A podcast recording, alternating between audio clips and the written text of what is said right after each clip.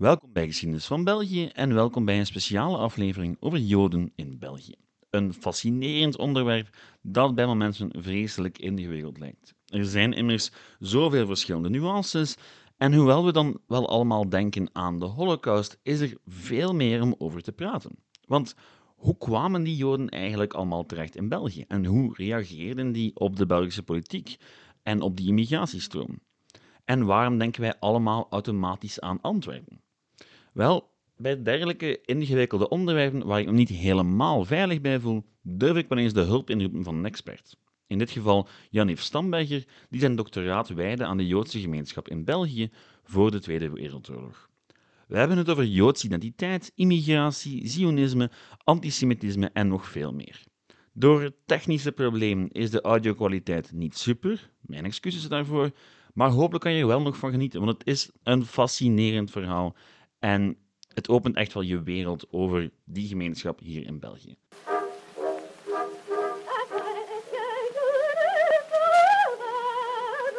Welkom bij Geschiedenis van België en welkom bij een nieuwe aflevering. Een interview deze keer met Janef Stamberger, de coördinator van het Vedercentrum Antwerpen en een expert in Joodse geschiedenis. Goedenavond. We hebben het vandaag over Joden in de Belgische geschiedenis, maar we gaan het eigenlijk amper hebben over de Tweede Wereldoorlog, want er is ook zoveel meer om het over te hebben. Dat klopt inderdaad, ja. Um, beginnen doen we eigenlijk met een nogal, ja, nogal brede vraag, iets te brede vraag waarschijnlijk.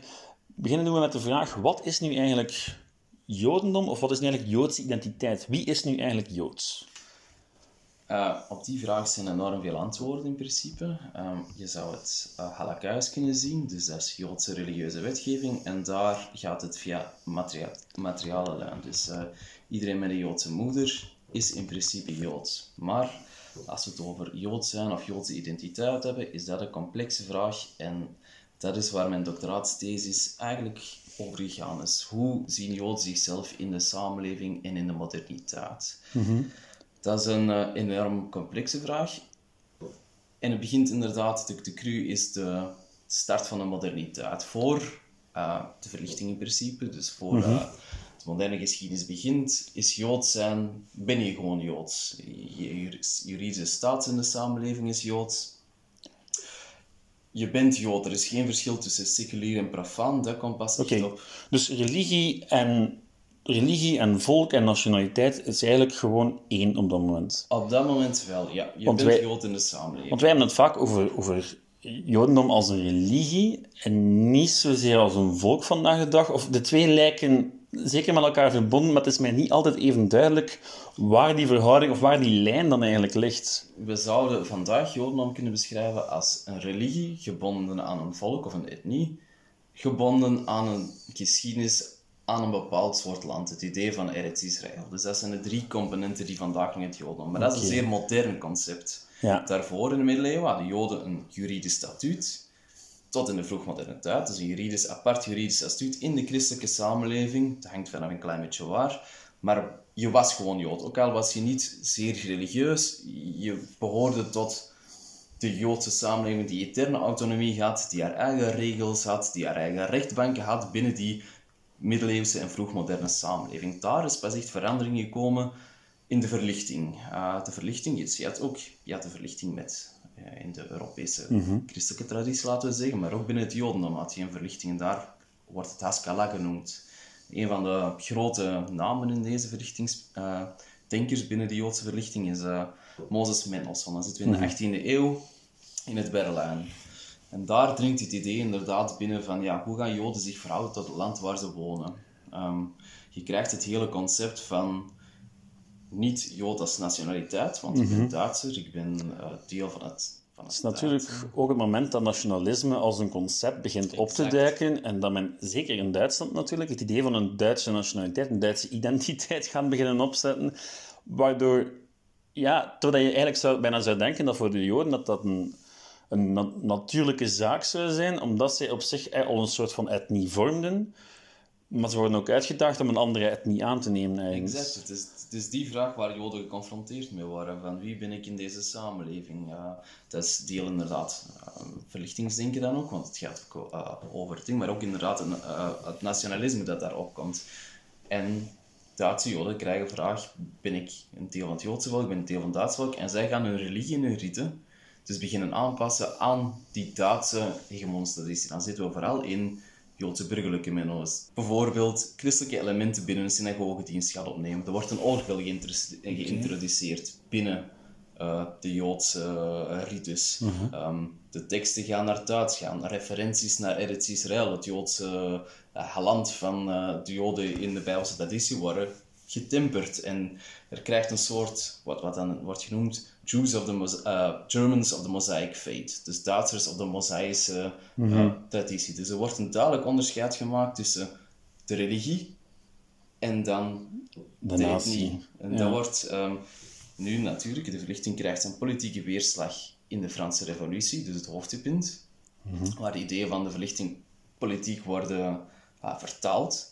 En daar zullen Joden voor het eerst geëmancipeerd worden. Dus de Franse revolutie worden Joden geëmancipeerd. Wat betekent dat? Daarvoor hadden Joden in principe niet dezelfde rechten. Dus Joden hadden een eigen wetgeving, hun eigen regels, hun eigen legaal en juridisch ghetto en in sommige gevallen ook een fysiek ghetto, zoals mhm. bijvoorbeeld in Venetië dat wordt helemaal opgebroken en in het spoor van de Franse veroveringen wordt, wordt dat idee ook verder gezet. Bijvoorbeeld, ja, de Fransen zullen delen of grote delen van Europa um, veroveren en daar zullen ook Joden worden geëmancipeerd op dat moment. inclusief in de Belgische voormalige Habsburgse uh, regio. Zit iedereen daarop te wachten? Want ik kan me voorstellen dat als zoiets gebeurt en dus, ja, die gemeenschap gaat gaan veranderen, gaat een, een andere gaat zich eigenlijk gaan heruitvinden om mee te kunnen. Zit iedereen binnen die gemeenschap daar wel op te wachten op zo'n evolutie? Dus inderdaad, die, die ideeën, dus die aanpassingen, dus wat dan Reform Judaism zal worden, wat zijn vooral in Duitsland en daarna in de States in bloei zal komen. Dus het, het aanpassen, orgels, uh, vrouwenkoren, dingen die zeer aan het thema waren daarvoor. Ja. Dus een reactie. En daar krijg je de orthodoxie van. Dus je krijgt een tegenreactie tegenover de reform. En daar, zijn, daar begin je al eerst. Dat zijn splitsingen die tot vandaag. Vandaag heb je het orthodoxe joden, ultra-orthodoxe joden, wordt dat gezien Chassidische stroming. Dan gaan we nog terug naar ja, een soort mystieke tradities en mm en Chassidim. Dat is nog een heel apart verhaal. Ik denk, ga te ver leiden. Um, maar je hebt inderdaad daar de Reform Jews, um, conservative, wat er ergens tussenin, en orthodoxie. Mhm. En die zullen heel die periode tot op vandaag in gespannen voet staan. Ook vandaag zijn er nog enorm grote geschillen bijvoorbeeld in Israël, maar ook in de States, tussen orthodoxie en reform judaism, over wie nu echt echte jodendom mag claimen of wie uh, ja, een echte jood is. Vanaf wanneer kunnen we echt spreken van een joodse gemeenschap hier? Dus de eerste joodse aanwezigheid in de bronnen komt, vanuit, uh, komt uit de middeleeuwen. Dus um, Joden zullen zich in kleine getallen dus eigenlijk in Nederland settelen, vooral commerciële posities en handelsposities. Dus ze komen vooral van, uh, vanuit uh, Duitsland, Ashkenaz, dus Duitsland naar hier. Um, die periode zal enkel, zo, enkel eeuwen zo zijn, maar in de 14e eeuw zullen als gevolg van de kruisvaarden de volkskruistocht uh, en de pest, beschuldigingen van uitbreken van de pest, zullen Joden verdreven waren. Vooral, Joden waren vooral in het hertogdom Brabant en het graafschap Henegouwen aanwezig in die periode. Hm. Bijvoorbeeld, een van de zaken, bijvoorbeeld in, in Brussel hier is gebeurd, uh, is een, een, executie van Joden op de brandstapel voor een hostiedesecratie. Um, Joden hadden zogezegd hosties gesteeld, met dolken bewerkt en daar kwam bloed uit, het mirakel van Sint-Goedelen. Is een klassiek, allee, er zijn dergelijke voorvallen over heel Europa, Spanje, Centraal-Europa. Het is een heel klassiek verhaal. Ik wist niet dat hier in Brussel was gebeurd, maar het is iets dat je heel vaak tegenkomt. Het, is, het werd dan als een mirakel beschouwd en tot de jaren 60 is er een processie geweest om, om inderdaad uh, ja, het mirakel van de, de bloedende hosties, uh, Sint-Goedelen, dan uh, te vieren. En dat is ook nog een conflict geweest in de 19e eeuw tussen uh, vrijzinnigen en katholieken, die daar een hele discussie in heel die periode van de 19e eeuw, waar zulke ideologische... In het, Brussel, in het Brussel van de 19e eeuw was alles goed voor een ideologisch debat. Ik ga daar ook nog wel een aflevering over doen, maar de spanning, ja, toen werd alles aangegrepen. Hè. Mhm. Maar inderdaad, het is, het is, ja, de geschiedenis van, van Joodse gemeenschappen in, in West-Europa, maar ook in Centraal-Europa tijdens de middeleeuwen is echt fascinerend, maar ook verschrikkelijk. Gewoon. Ja, inderdaad. Dus, dus dat is die periode inderdaad. Dus na de 14e eeuw zien we eigenlijk geen Joodse aanwezigheid.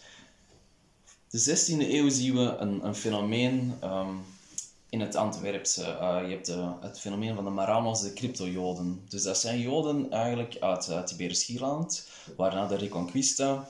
Uh, joden worden gedwongen bekeerd of verjaagd. Dus heel veel gaan naar wat dan tot de Ottomaanse Rijkjes of naar Noord-Afrika, de gebieden daar.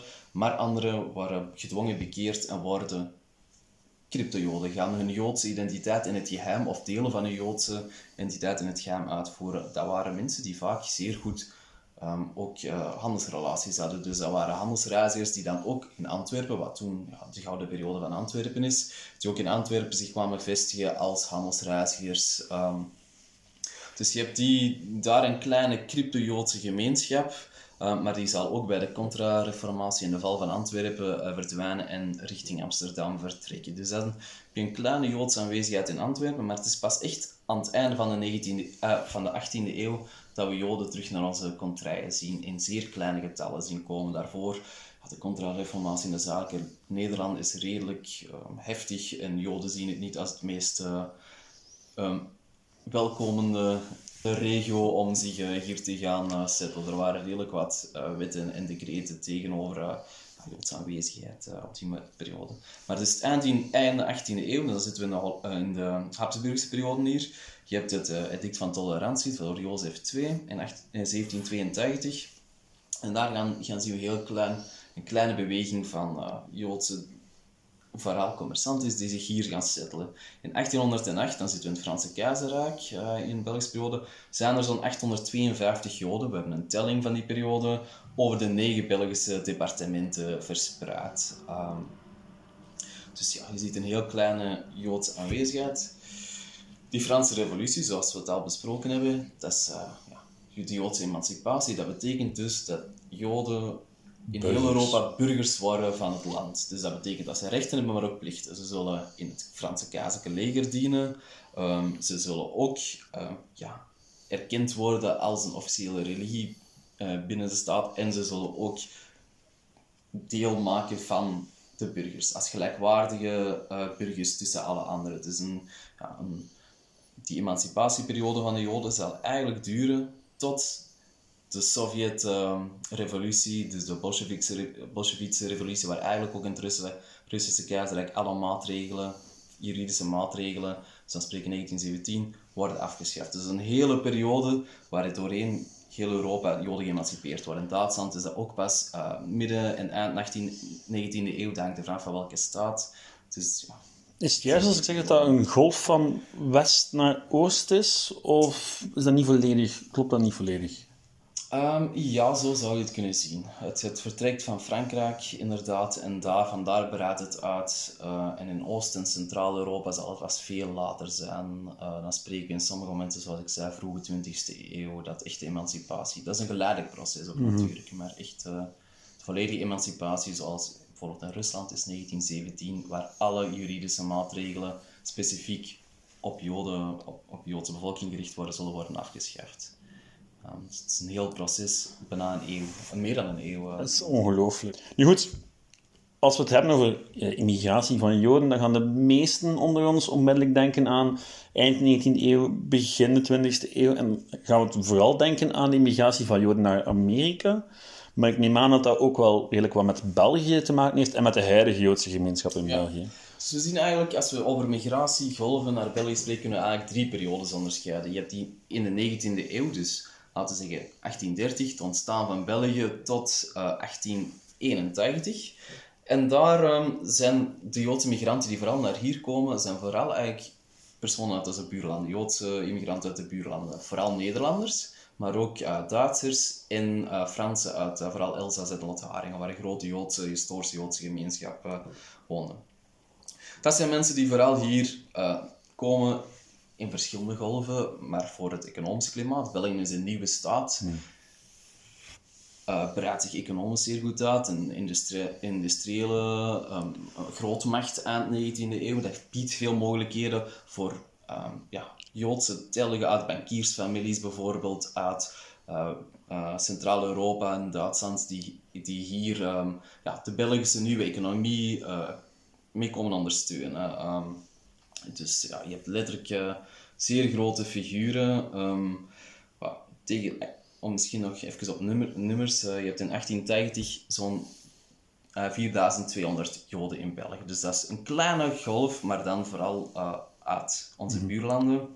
En dat zijn ja, Joodse bankiersfamilies met uh, illustere namen zoals Bischofheim, Oppenheim, Herrera, Philipson, Goldschmidt, Levi Montefiore, die echt voor de Belgische industrie, dat zijn namen echt enorm veel betekend hebben in die vroege periode.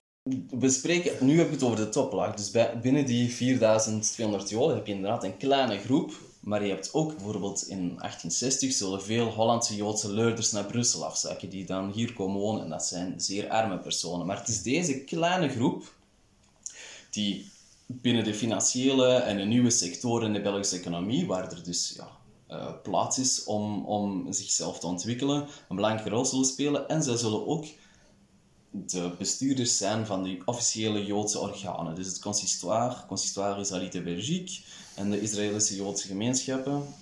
De gemeens, uh, daar zullen zij uh, of, bestuursfuncties in nemen. En inderdaad, zij zullen een soort van Reform is een te groot woord, want een reformjodendom is in België nooit doorgebroken, maar een soort aanpassing van de Joodse ritus uh, binnen de Belgische samenleving. Zij zullen um, in bijvoorbeeld de grote synagoge die gebouwd wordt, hier in het centrum van Brussel, mm -hmm. um, op zich al een statement van wij zijn hier, kijk naar onze respectabiliteit, midden van het, uh, ja, het, het, hart van Brussel echt. Uh, um, daar zal bijvoorbeeld ook een orgel uh, zijn, er zal vrou zullen vrouwenkoren zijn. De Joodse ritus wordt aangepast aan de Belgische samenleving en vooral ook een zeer patriotistisch uitgedragen. Een zeer een, een Jodendom dat, het, dat met het België uh, hult in de bredere samenleving. Dus dat is die eerste generatie een klein beetje. Dus die eerste migratiegolf, dus laten we zeggen 1830 tot 1880, maar de grote inderdaad, zoals we het uh, zullen hebben, is pas vanaf 1881 tot en met uh, ja, de Eerste Wereldoorlog en dan vanaf nadat de Eerste Wereldoorlog gedaan is, dus de vroege jaren 20 tot 1930. En dan heb je vluchtelingengolven van uh, Nazi-Duitsland uh, naar, naar, België. Dus dat zijn zo de grote stromen van Joodse migratie naar België. En er is een groot contrast tussen die latere golven en die eerste golf waar we het net over hadden. Ja, dus de eerste golf kunnen we zien als West- en Centraal-Europese Joden, ook in een zeer andere periode, 19e eeuw, zoals we al zeiden. Het nationalisme, het verlichtingsidee dat opkomt, ah, dat niet opkomt, maar dat in de praktijk wordt gebracht mm -hmm. door de Belgische grondwet. Die andere periode um, zijn vooral Oost-Europese Joden en die komen uit een heel andere context. Um, waarom 1881? Misschien even die datum um, aanduiden. Dat is de de moord uh, van uh, de assassinat uh, van Tsar Alexander II in Rusland. En dat mm -hmm. zal een, een, door een anarchistisch, een radiavolia, een soort anarchistisch populistische mm -hmm. beweging in Rusland. En dat zal een hele schokgolf, schokgolf teweeg brengen. Gigantische pogroms tegenover de Joodse gemeenschap ook, die er mee van beschuldigd wordt achter hele revolutionaire bewegingen te zitten of daarmee te maken te hebben. En ook, um, ja, dus dat zal ook de start zijn van een gigantische Joodse migratiebeweging. Tussen 18, 1881 en 1914 zullen zo'n 2,5 miljoen, miljoen Joden van Oost-Europa naar het Westen, vooral naar de Verenigde Staten, um, migreren. Dus dat is een, een gigantische golf waar er vers verschillende nog eens subgolfjes aan bijvoorbeeld uh, ja, de pogrom op Kishinev, wat een gigantische psychologisch trauma zal zijn. Ook 1904, ah, 1905 nog eens, de, de, Russische revolutie die mislukt en daarna een, zeer sterke contra-revolutie uh, in het leven roept. Um, dus we zien dat die Joodse bevolking, um, nu hebben we het over het politieke aspect, maar er, is ook, er zijn economische drukken op de Joodse gemeenschap in Oost-Europa, die in de Pale of Settlement, dus Joden worden verplicht in een bepaald deelgebied in het Russische Rijk te wonen. En er zijn grote demografische druk ook, omdat de Joodse bevolking ook uh, demografisch uh, groeit in die periode. Dus het is niet alleen het politieke, maar een combinatie van factoren dat miljoenen Joden richting, richting het westen zal duwen. Vooral de Goldene Medine, de gouden, de, de gouden, uh, ja, Golden Medine is het Jiddisch, de gouden natie, de Verenigde Staten van Amerika, die een soort ja, een lokroep naar armeren over heel de wereld. En het is eigenlijk op weg naar de Verenigde Staten dat heel wat van die Joden vroeg of laat in België zullen terechtkomen. Ja. Want ik neem aan dat België zelden het einddoel was. In tegenstelling tot die eerste immigratiegolf natuurlijk.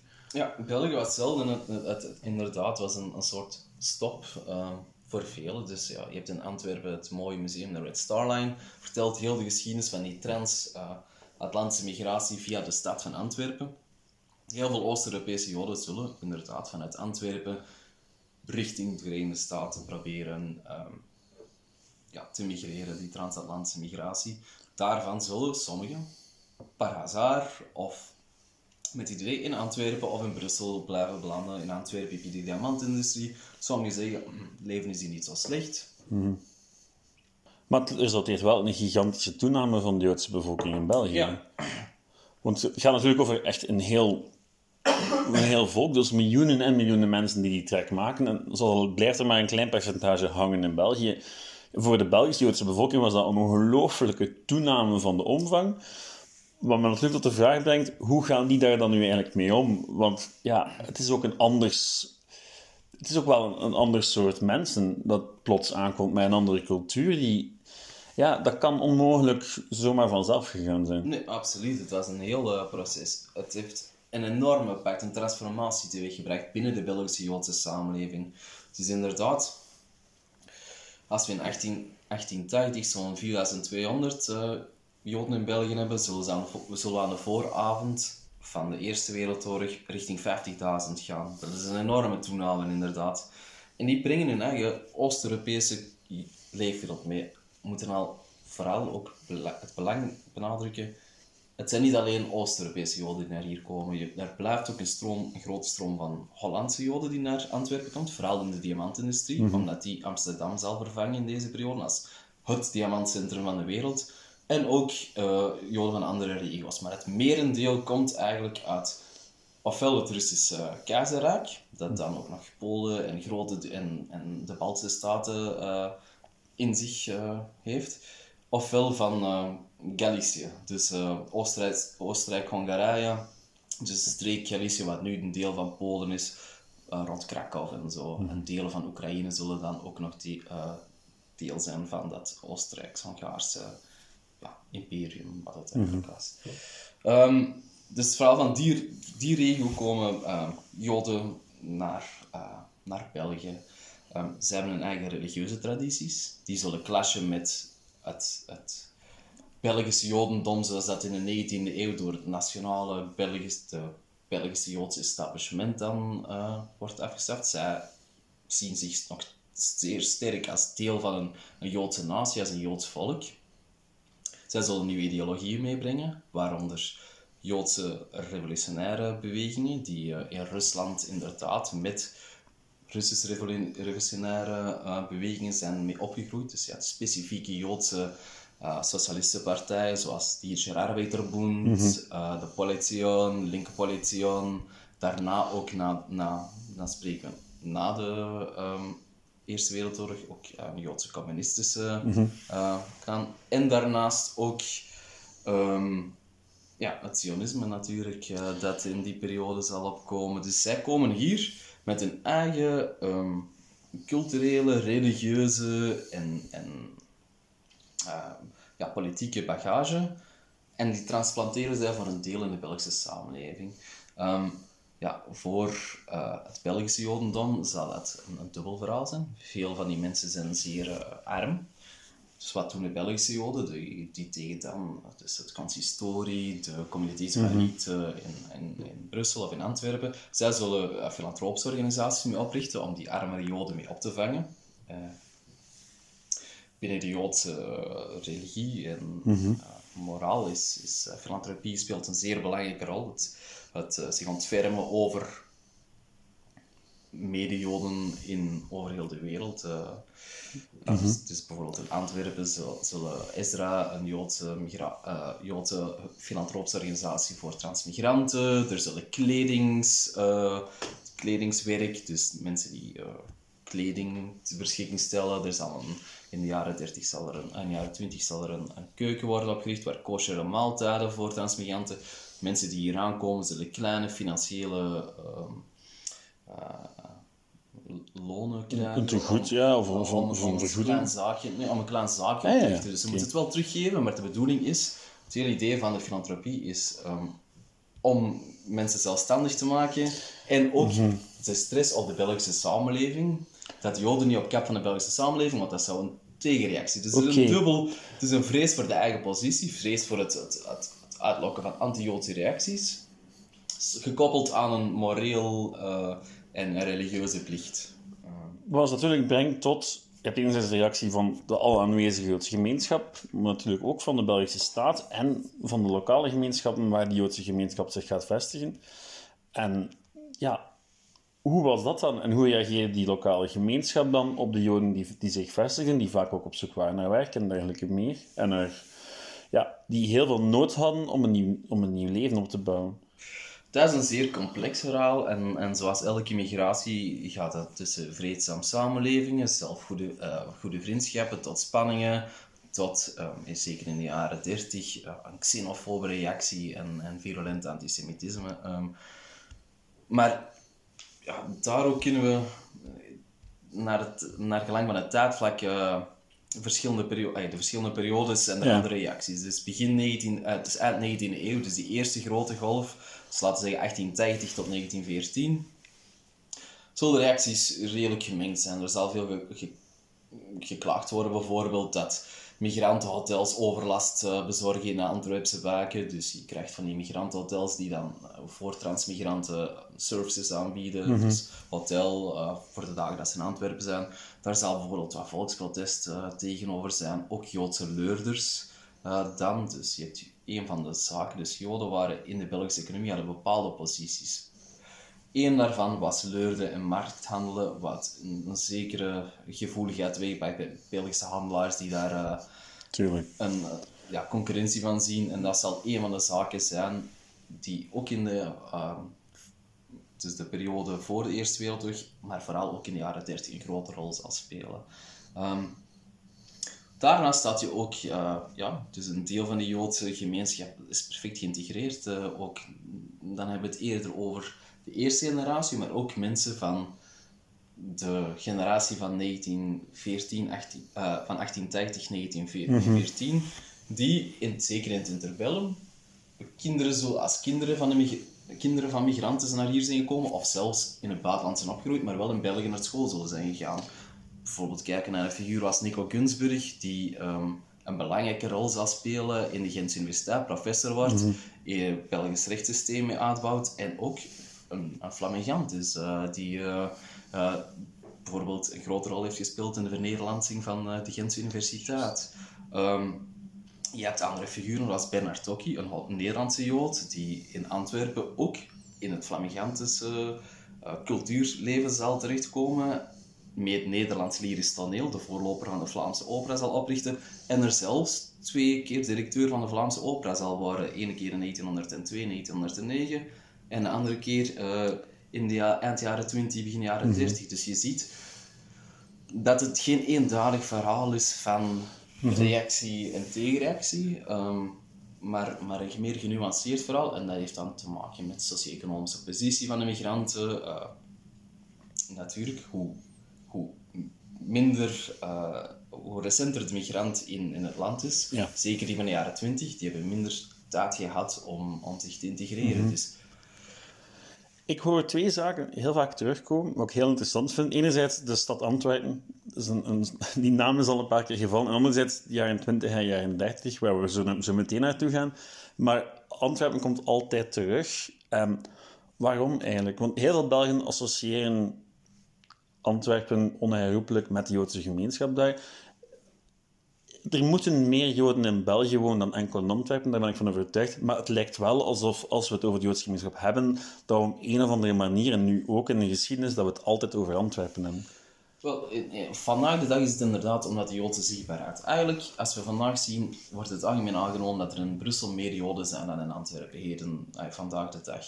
Maar natuurlijk, in Antwerpen heb je een sterke Hasidische gemeenschap die zeer zichtbaar is. Dus in de Belgische bredere opinie wordt daar de link van Antwerpen, Joden, Jood, wordt dan gezien als Gassit met zijn strijmels en zijn, zijn uh, kaftan. En dat is dan het, ja, het stereotype beeld van de Jood in, in, voor vele van onze Belgen.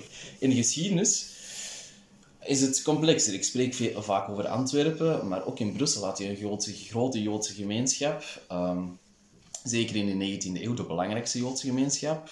Uh, maar vanuit, vanaf de late uh, 19e eeuw en in de jaren 20 zal Antwerpen echt het, het centrum worden, zeker van het Oost-Europese Joodse leven. Dus het, het zal een orthodox centrum worden en ook de bakermat, de burcht van, van het Zionisme in België. Dus de, vreemd, de, de Zionistenbeweging zal haar, haar sterkte fort in Antwerpen hebben. Natuurlijk had je in Brussel ook. Je had de Union Sionist, je had alle kleinere partijen die ook in Brussel aanwezig waren, maar vooral Antwerpen had een, sterke Zionistische aanwezigheid. Wat ons brengt tot het term Zionisme, die we zeker even moeten uitleggen, want het is ook ongelooflijk belangrijk als we het dan over de jaren 20 en 30 hebben.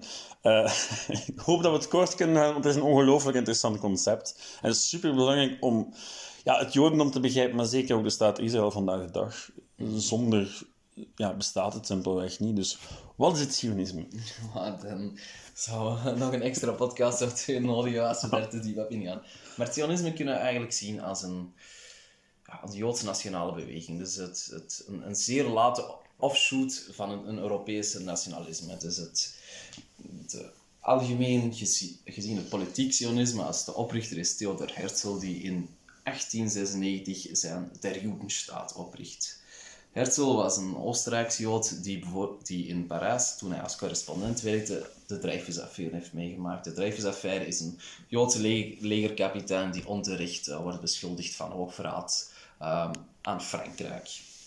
En hij zal tot de conclusie komen dat Theodor Herzl dus, die, die deze affaire um, voor een Oostenrijkse krant uh, als, als correspondent uh, beschrijft, zal tot de conclusie komen dat het niet mogelijk is dat Joden eigenlijk geen toekomst hebben in Europa. Joden moeten hun eigen lot in hand nemen. En daarvoor hebben ze een nationale staat nodig.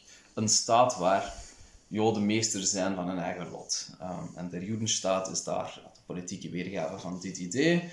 En een jaar later, in 1897, uh, is het eerste Zionistische Wereldcongres een feit. Nu, het Zionisme wil dus een Joodse nationale thuis oprichten in Palestina. Daar zijn ook daarvoor nog veel, uh, veel uh, ideeën gewisseld. Je had ook de territorialisten, die bijvoorbeeld zelfs in Oeganda of Argentinië een Joodse staat, maar uiteindelijk vanuit de Joodse Bijbel en de Joodse religie is het logisch dat, dat, dat Eretz Israël, dus het land van Israël, de locatie zou worden van een Joods uh, regeneratie, een Joods nationaal project wat niet alleen een politieke dimensie had, maar ook zeer belangrijk een culturele dimensie. Dus de Joden zouden een nieuw volk worden, weg van het idee van de diaspora, een nieuwe taal. Het Hebreeuws zou het Jiddisch vervangen.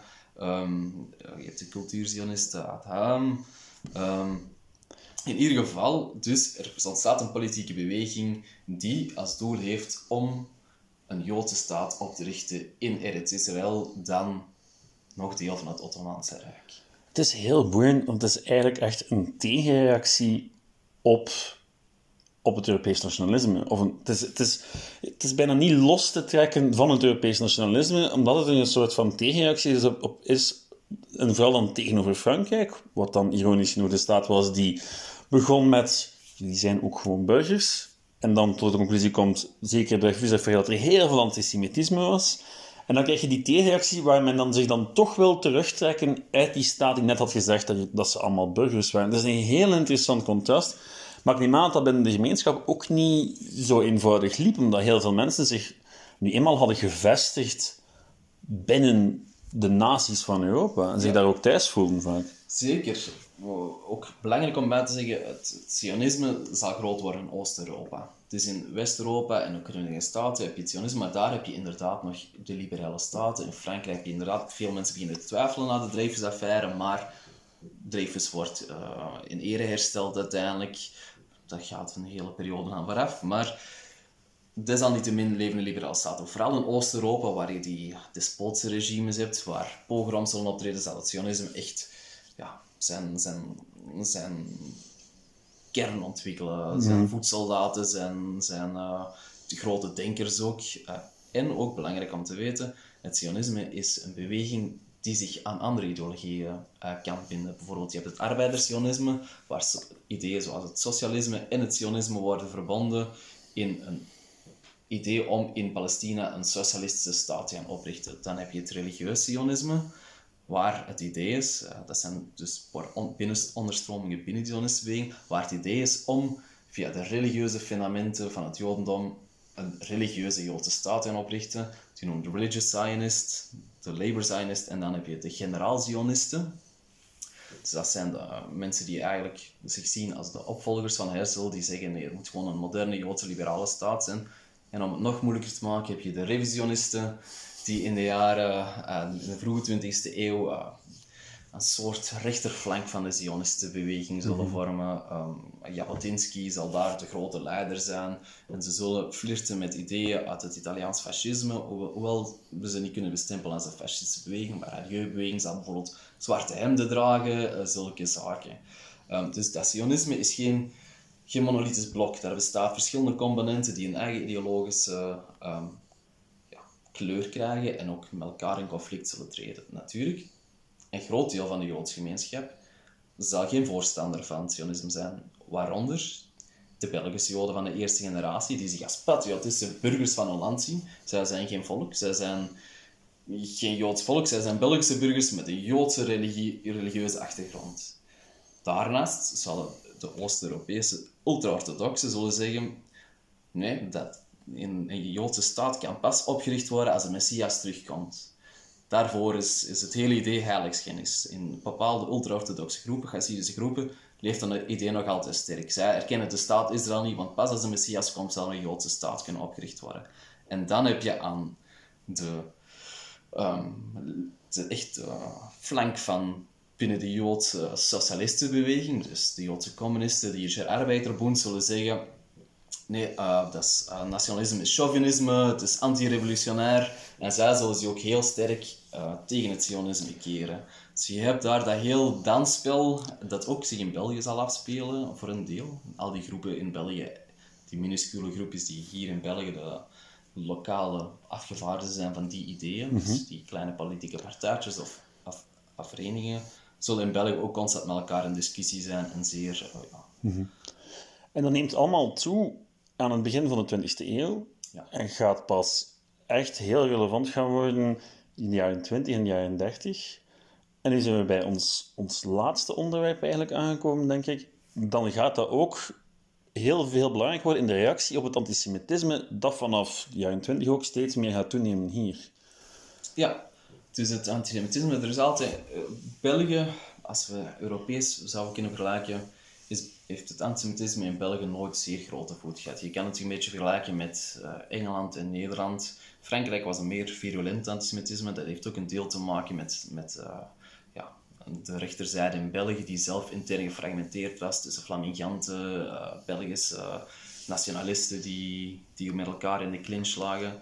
Ook religieus antisemitisme en volksantisemitisme zal in de Belgische samenleving aanwezig zijn, maar het zal nooit een virulente politiek kracht worden. Het, is eerder ja, een soort ja, ideologische stroming die in bepaalde conservatieve midden in de 19e eeuw leeft. Maar echt van de jaren 30, daar zien we echt een, een, een, opkomst van het antisemitisme. Natuurlijk ook in de brede Europese samenleving wordt een, een Joods probleem gezien. Dat komt dan ook van, ja, vooral uit Nazi-Duitsland, zulke ideologieën. En daarvoor ook al het virulente antisemitisme in de Weimar-republiek, Duitse denkers uh, en vooral nieuwe orde partijen zullen zich um, in die ideologie inschrijven. Natuurlijk, het is belangrijk om te stellen dat het raciale antisemitisme in België veel minder in gang zal vinden buiten een paar marginale um, uh, groepjes aan het einde van de jaren 30, uh, eh, bijvoorbeeld volksverwering of anti-Joods front. Het zal eerder een, een xenofobisch um, reactie zijn op Joodse migratie, Joodse economische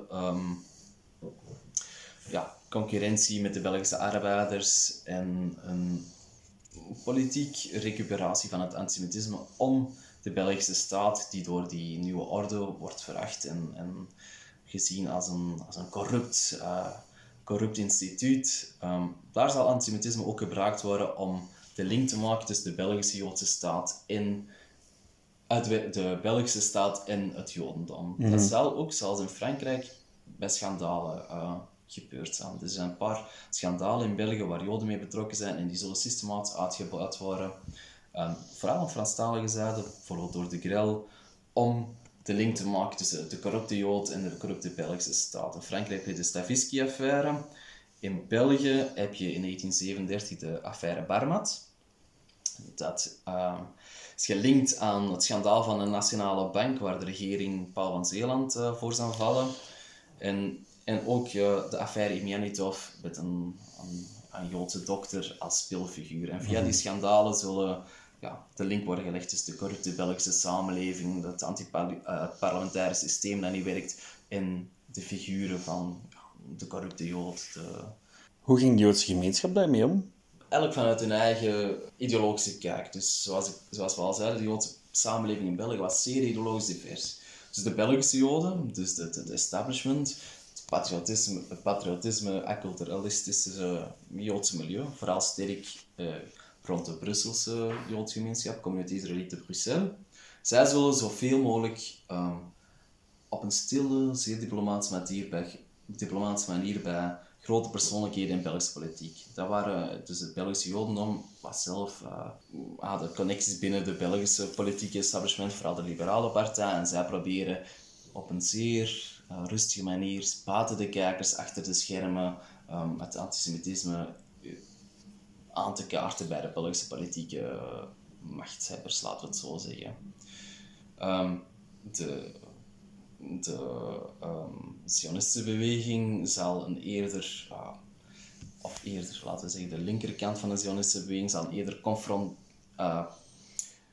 via een groot tumult in de Belgische samenleving. Dus samen met de Belgische Belgische Partij en andere progressieve krachten zullen zij manifestaties organiseren in grote venues in het Brusselse en het Antwerpse om aanklacht tegen de Nuremberg-wetten, de aanklacht tegen uh, fenomenen in de Belgische samenleving, of vooral ook in Duitsland, zullen zij publiek in de kaart proberen te brengen, uh, publieke opinie achter zich te krijgen. Dat werkt niet zo bijzonder goed. Uh, en het zorgt ook, ja, um, zeker um, politisering van het hele Joods conflict, dat ook in de Belgische samenleving tussen progressieve en conservatieve krachten dan zal uitspelen. Um, de communisten zullen via de, de, communistische partij uh, ja, een meer strijdbaar, revolutionair standpunt proberen in te nemen en de Belgische, de Belgische arbeiders achter zich mee te krijgen in de strijd tegen het fascisme en het antisemitisme, ook met ja, de commentaar die daar ook via Moskou eh, achter staat natuurlijk. Um, wat proberen de Joodse binnen de Joodse gemeenschap zelf te doen? Er zal een boycottactie tegen Nazi-Duitsland worden opgestart. Uh, in Antwerpen zal dat door uh, het Comité tot Verdediging der Rechten der Joden in 1933 opgericht gebeuren. Daar hebben ze een onderafdeling, VEVA, Verbond voor Economisch Verweer. En zij zullen proberen Duitse producten uit de Belgische economie te weren. dat heeft een zeer beperkte bijval. Het, als je de resultaten ziet, is dat maar een mager beestje. In Brussel heb je een soortgelijk orgaan, Comité d'Action Économique. Zij zullen bijvoorbeeld ook ja, ja, drukschriften nadrukken over Duitse goederen in de Belgische economie en dat aan winkels uitdelen, zodat ze kunnen Belgische producten, want ze willen het natuurlijk in een Belgisch nationaal jasje gieten, koop Belgische producten, het ook een, een, een, fenomeen in die, in die periode. Um, Daarnaast zullen ze ook proberen zich bewustmakingcampagnes in de Belgische samenleving. Dus er in Joodse organisaties die zich tegen antisemitisme uh, uitzetten, zullen ze bijvoorbeeld uh, persbureaus inrichten, waar, waar als er in Belgische kranten van die tijd uh, wordt bericht over valse berichten over of negatieve berichten over de Joodse samenleving of dit of dat, zullen zij in de krant een repliek van repliek dienen en zo hopen ze dat in de krant zal verschijnen. Ze zullen ook um, wetenschappelijke werken zullen geschreven worden, uh, zullen, zullen geschreven worden waar um, ja, de Joodse bijdrage in de Belgische economie bijvoorbeeld Kopen Lieberman, is dokter in economische wetenschappen, zal twee uh, werken schrijven over Joden in de diamantindustrie en Joden in de Marokkanerie, dus de lederwaren. En zij zullen zeggen, deze industrie is een groot geworden omwille van Joodse migratie, zie dat Joden een positieve bijdrage in de Belgische samenleving.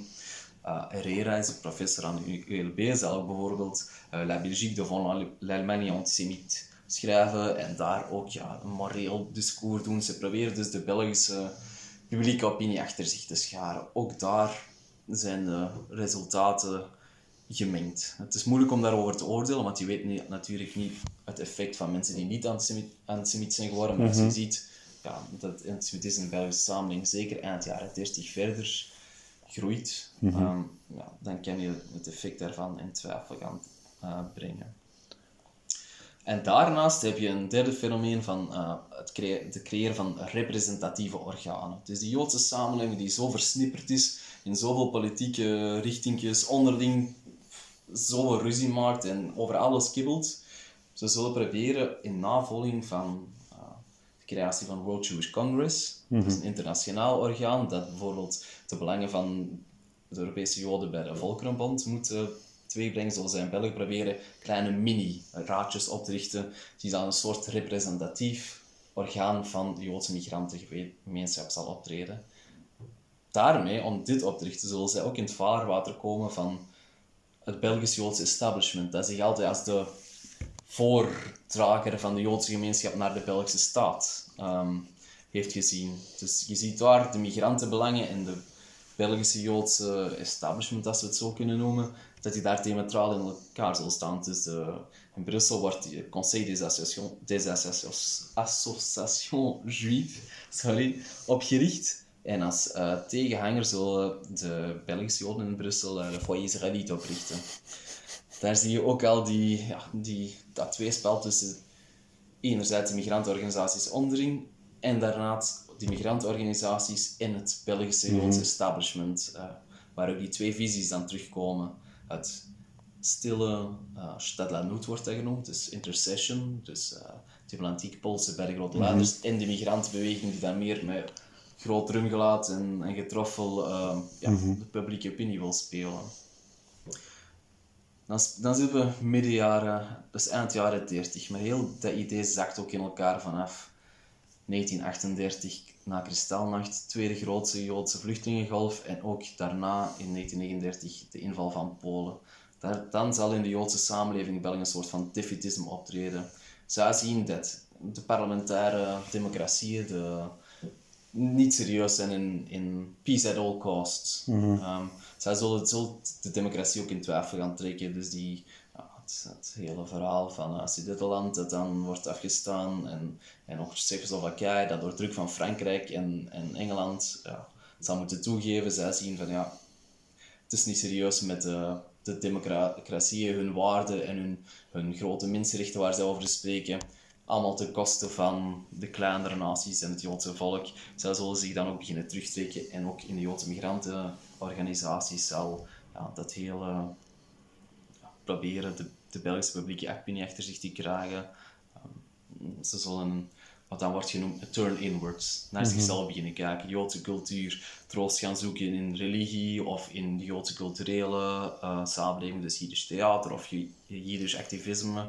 Um, ja, ik neem aan dat het Zionisme, op het moment dat men echt zo teleurgesteld is in de Westerse Europese staten, ik neem aan dat het Zionisme op dat moment ook een serieuze boost krijgt. Ja. Dat het dan weer veel meer als een valabel alternatief gezien wordt, gezien dat de westerse democratie op dat moment wel aan het falen is natuurlijk. Het Zionisme krijgt een serieuze boost, maar het is ook enorm intern verdeeld. Dus het krijgt een boost. Het arbeidersionisme wordt in die periode de grootste Zionistische stroming. Internationaal, maar ook in België. Binnen Zionistische beweging is er echt een, een grotere vraag waar zij geconfronteerd worden. En een zeer moeilijke vraag. De vraag is, zetten we al onze middelen op Eretz Israël? Het uitbouwen van, van een Joodse staat in Israël? Of hebben wij ook verantwoordelijkheid tegenover de Joodse diaspora hier? Moeten wij hier gaan, in acties gaan doen? Of zijn alle middelen die wij hier zetten om, om de Joodse samenleving te redden, weggesmeten middelen en enkel in Palestina? Dat is, dat is een vraag die de Zionistische beweging intern verdeelt. Er zullen er zijn, bijvoorbeeld Hashem Eretzaïr is een jeugdbeweging en een Joodse politieke partij in Eretz Zij zullen zeggen, wij werken niet in de diaspora enkel voor Eretz Israël. Want alles wat wij hier in de diaspora doen, is verloren. Dat zal een vraag zijn die binnen de Zionistische beweging veel spanningen zal teweegbrengen. Want uh, ja, langs de ene kant voelen ze een verantwoordelijkheid voor inderdaad de Joodse arbeiders hier, de Joodse, Joods leven hier. Langs de andere kant, alles wat ze, de middelen die ze hier inzetten, kunnen ze die inzetten voor het uiteindelijke resultaat in, uh, in mandaatgebied Palestina op dat moment. Uh. Dat is een moeilijke vraag. Uh, en je krijgt weer de vraag, wat is het om Joods te zijn en waar ben je dan Joods? Mhm. En het is een, ja, natuurlijk, in het licht van wat er komt in de Tweede Wereldoorlog, is het een heel pijnlijk verhaal. Hè? Zeer pijnlijk verhaal. Om, om, uh, ja, het is een, heel die vraag over Jood zijn en, en veel van de vragen zullen ook na de Tweede Wereldoorlog, door heel dat verhaal van ja, de Shoah en de Holocaust, zal ook opgelost worden. Het Zionisme zal ook inbreken in de gemeenschap, de, de stromingen binnen de Joodse gemeenschap die alvorens uh, de Tweede Wereldoorlog anti-Zionistisch waren. Dus het Belgische Joodse establishment, dat het nationale tegen ja, het Zionisme, wij zijn geen Joden, zal na de Tweede Wereldoorlog braafjes mee met de Zionistische beweging stappen. Grote delen van uh, Joodse orthodoxie zullen ook een, een religieuze bezwaren tegen het Zionisme opheffen. En het, het die hele oorlogsperiode duwt het Jodendom, dat in interbellum nog heel veel verschillende kanten had kunnen uitgaan. Het is een soort katalysator die het een, een bepaalde stroom in de geschiedenis uh, uh, geeft. Um, dat er nog maar één optie over lijkt te zijn. Lijkt te zijn, inderdaad. Het hele idee van de, de linkse bewegingen, die het anti-Joodse, die, die hierheid, Dolgate in mm Jiddisch. Ja, hier gaan wij in de diaspora uh, culturele autonomie, dat is bijvoorbeeld wat de, wat de Bund wou. Zij wou in, in, in Polen of in Oost-Europa, of zelfs in de tweede diaspora, dus in de westerse landen, Verenigde Staten, Frankrijk, maakt niet uit, um, cultureel de autonomie verwerven om als een soort ja, uh, nation state within a nation state op cultureel vlak dan een, een eigen Joodse leven te kunnen uh, uitbouwen. Dat idee verdwijnt, want uh, dat wordt uitgemoord in principe in een oorlog. Ja. Het is vast, absoluut fascinerend. Ik heb nog want ja, hierna kan je weinig nuttigs nog zeggen. Hè. Het is meestal zo eens dat je dit onderwerp hebt aangekaart.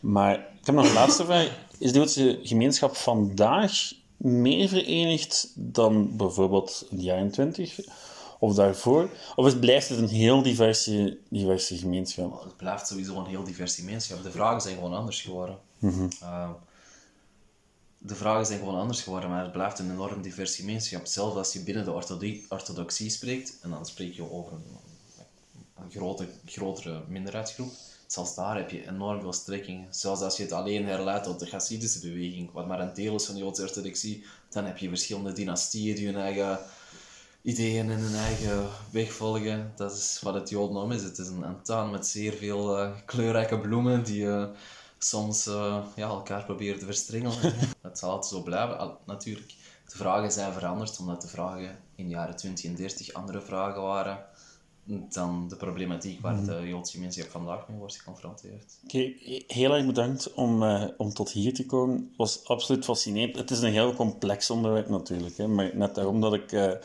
heel blij ben dat ik daar een expert op kon zetten, want het is echt heel verwarrend als je het zelf probeert te ontrafelen. Ja. Dus heel erg bedankt daarvoor, dank u wel. Um, misschien even een kort woordje over uh, je huidig werk en wat je nu eigenlijk doet. Dus ik ben uh, coördinator van het Vredescentrum. Wij, uh, wij werken in de Antwerps, het groot Antwerps omgeving. En wij werken um, zowel voor jeugd als voor volwassenen rond de uh, herinneringseducatie en uh, vredesopvoeding. Dat zijn, wij organiseren bijvoorbeeld uh, lezingen en debatten, maar voor, je, voor jeugd, dus voor in het onderwijs, gaan wij in scholen, bieden wij educatieve of pakketten aan om ja, te reflecteren over het verleden en van daar lessen voor hmm. de huidige samenleving, over het democratisch bestel, over uh, hoe vreedzaam met elkaar samenleven. Dat is een, een noot de knop. Uh, een uh, zijn Voor de leerkracht van geschiedenis echt aan te raden. Ik heb een kijkje genomen op de website. Heel leuk materiaal, heel interessant, ook heel relevant vandaag de dag. Dus absoluut een aanrader.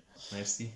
Dat was het voor deze week. Nogmaals bedankt aan Janif Stamberger voor zijn bijdrage. Volgende week belanden we officieel bij de honderdste aflevering van deze podcast. Toegegeven, er is wat creatief werk aan vooraf gegaan, maar 100 is en blijft een heel mooi cijfertje. Die gelegenheid zullen we kort vieren en daarna is het tijd voor Wereldoorlog 2. Jawel, we gaan er eindelijk aan beginnen. Wilt u een berichtje sturen voor de honderdste, een vraag of een suggestie? Laat het dan vooral weten via geschiedenisvan.outlook.be of de Facebookpagina. Misschien doe ik er wel iets mee, wie weet. Uh, ah, er is ook een kleine verrassing volgende week. Dus zeker luisteren. Nogmaals bedankt voor het luisteren vandaag. En tot dan. Ciao!